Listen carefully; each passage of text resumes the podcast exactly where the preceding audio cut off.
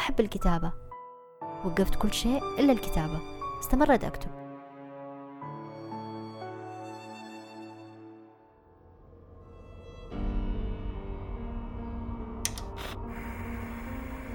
تخيل إنك شخصية في فيديو معين وقفل الجوال كذا وأنت تتفرج أو الآيباد أو الشاشة قفلت وأنت تتفرج في الفيديو وصرت أنت تشوف تشوف سواد. وتطلع لك شخصية من هذا الفيديو تحكي لك إيش صار داخل الفيديو بس أنت مو شايف شيء ولا عارف شيء. بس هذه الشخصية عاشت وشافت أشياء داخل تفاصيل الجوال أنت مو شايفها. أنت واصل لك صورة خارجية صورة شخص آه كئيب حزين مريض متشائم عنده أفكار انتحارية عنده أفكار سوداوية. هذا الشخص اللي أنت تشوفه. بينما أنا أحكي قصة شخص عاش تفاصيل آه أنت ما تشوفها في, في الظاهر ولا تظهر لك.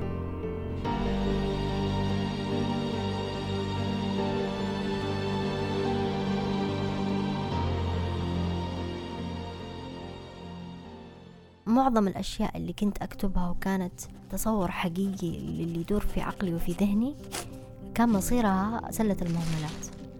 يعني لما أقرأها أقرأ نفسي فيها أحس بغضب أكثر. وأشوف أشوف الجانب اللي أنا ما أبغى أشوفه. وأشوف أشوف التجارب اللي أثرت علي وأشوف أثرها. فلما أرجع أقرأها كأني أقرأ أقرأ أسوأ ما في حياتي من جديد. فطبيعي كانت كنت أرميها.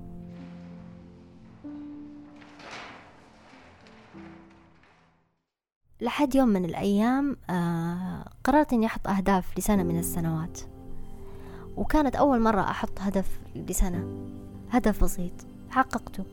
الهدف كان إنه آه أعلم بنتي الرسم. يعني حتى الهدف ما كان لي. الهدف كان لبنتي.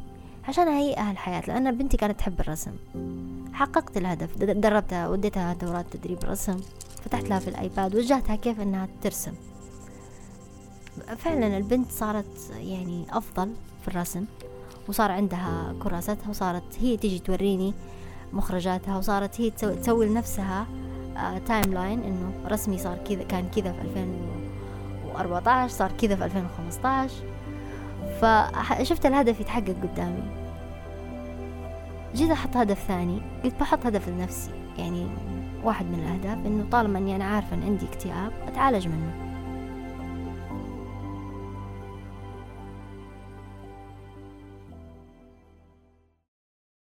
توقعت إن إن الهدف الثاني بيكون سهل. طلع أصعب يعني إنك تحقق أهدافك في الناس سهل بس صعب تحقق هدف لنفسك.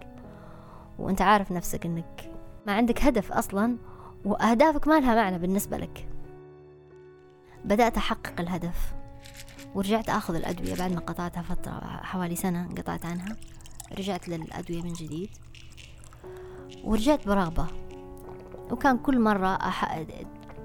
يعني تجيني انتكاسة أرجع أرجع أوقف من جديد. وكل مرة تجيني انتكاسة أرجع أوقف من جديد. كل الإصرار هذا مصدره أني أنا زي ما حققت الهدف مع بنتي أبغى أحقق الهدف الثاني. يمكن ألاقي الحياة معنا يعني. هذا الهدف. اللي حصل أنه بدأت بدأت كذا أطور من نفسي أنا ذاتيا. أنا يعني أعالج نفسي بنفسي. ليش عندي رهاب اجتماعي؟ لازم أكسر حواجز الرهاب الاجتماعي لازم أنا أدرب نفسي أكثر. لازم أنا أتجرأ وأتحمل أنه أنا لما أوقف في, في, في مكان عام وأتكلم بصوت عالي أن صوتي لازم يكون مسموع. لازم تجاربي ما تكون مخجلة لي لأن اللي عدى علي عدى على الناس. لازم لازم أكون قدام نفسي مثال لنفسي. هذه هذه أول حاجة. يعني خلاص كفاية انغلاق. لازم أفتح أفتح الكتاب الأسود اللي أنا فيه عايشة فيه وأبيض الصفحات. وكيف أبيض الصفحات هذه؟ إني أنا أقرأها وأقرأها بعين واضحة. لأنه طالما أنا عايشة في الظلام ما راح أشوف شيء. ما راح يدخل النور في حياتي وأنا قاعدة أخبي مشاكلي وأخبي صوتي وأخبي مشاعري وأخبي قصصي. المواقف اللي صارت لي أقعد أداريها كأنها ما حصلت. لا هي حصلت. وأنا حزنت وزعلت وبكيت وعطيتها حقها وانتهيت منها. صار عندي هدف واحد إني أنا أطلع من أي موقف ومن أي مشكلة أطلع منتصرة مش ضحيه أنا ماني ضحية حتى في الاكتئاب حتى للمرض حتى لل حتى للمواقف المحزنة حتى للظلم اللي أتعرض له في الحياة أنا ماني ضحية. لا يمكن ألعب دور الضحية ولا يمكن أقبل على نفسي إني أنا ألعب دور الضحية. ما يليق فيا. لازم أكون أقوى من الموقف.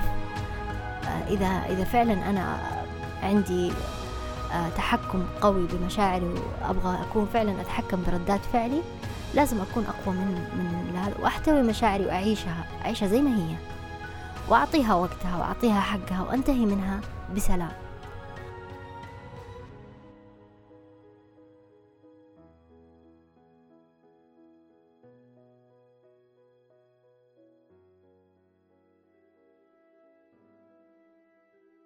كنت أرفض أرفض النظر للماضي.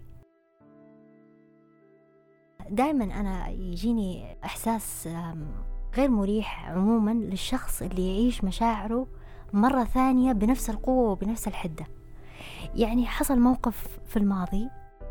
أنا ليش أرجع لما أحكيه أحكيه بنفس التأثير اللي كان فيه في السابق؟ ما يحصل هذا الشيء إلا إذا أنا متأثرة فيه إلى الآن وعايشة فيه إلى الآن وما طلعت منه. الحياة زي النهر تمشي فيها تعدي عليك مشاعر تمر من من من شلال تجيك موجة عالية. كل هذه فترات تعدي في الحياة وتحس فيها بمشاعر. فكأنك ماشي في نهر واقف آه واقف في النص معترض النهر وماشي عكس تيار النهر عشان تعيش مشاعر قديمة بس. والنهر ماشي ما راح يستناك ما راح ينتظرك. ياخذ كل شيء في الحياة ويمشي يعدي.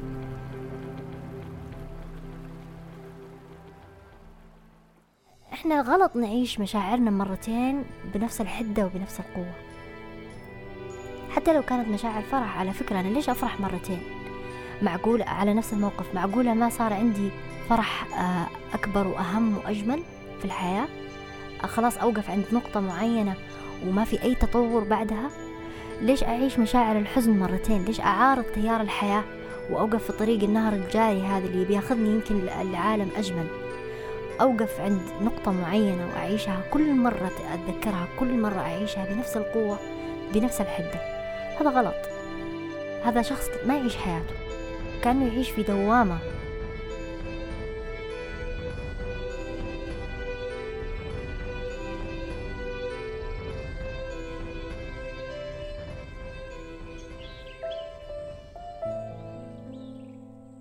حياتي في السابق وقت ما كنت مصابة بالاكتئاب. هي كانت رحلة يعني قصة معينة عشتها. خروج من الاكتئاب كأنك طالع من طالع من دوامة من طالع من مكان مظلم. أنت لما تفقد الحياة عندك معناها معناتها وصلت أنت لمرحلة لمرحلة مو سوداوية. ما أقدر أقول إنها سوداوية. السوداوية شوية يعني يشوفون في الحياة شيء أو شيء. أنت ما تقدر تشوف شيء في الحياة جميل أساسا. وما تقدر ترتبط بأي شيء في الحياة عموما يعني بشكل عام. فالخروج من الاكتئاب نوعا ما ما يكون خلاص مئة بالمئة أساسا. يعني ما تقدر تقول أنا خلاص مبسوط وسعيد وخلاص ما عاد أعاني من الاكتئاب ما حد. دائما له رجعات. دائما له زيارات. دائما المواقف تذكر فيه. دائما الإحباطات تذكر بالاكتئاب. دائما التعب والإرهاق في مهام الحياة اليومية. يرجعك يقول لا خليني أرجع كسول خامل. ما عندي هدف ما عندي معنى ما عندي طاقة. زي هذيك الأوقات السابقة اللي كنت فيها.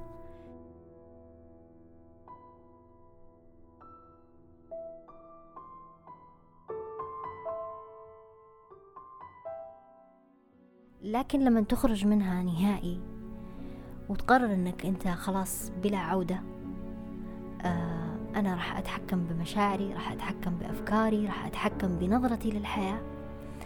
وإنه أنا جيت الحياة هذه عندي أهداف معينة أهداف أكبر مني أهداف أكبر من وجودي أكبر من كون إني أنا أبحث عن عمل آه، أو أعمل شيء معين في الحياة أو أتزوج أو أنجب أطفال أو أيا كان هدفي في الحياة لكن أنت عندك هدف أسمى وأكبر.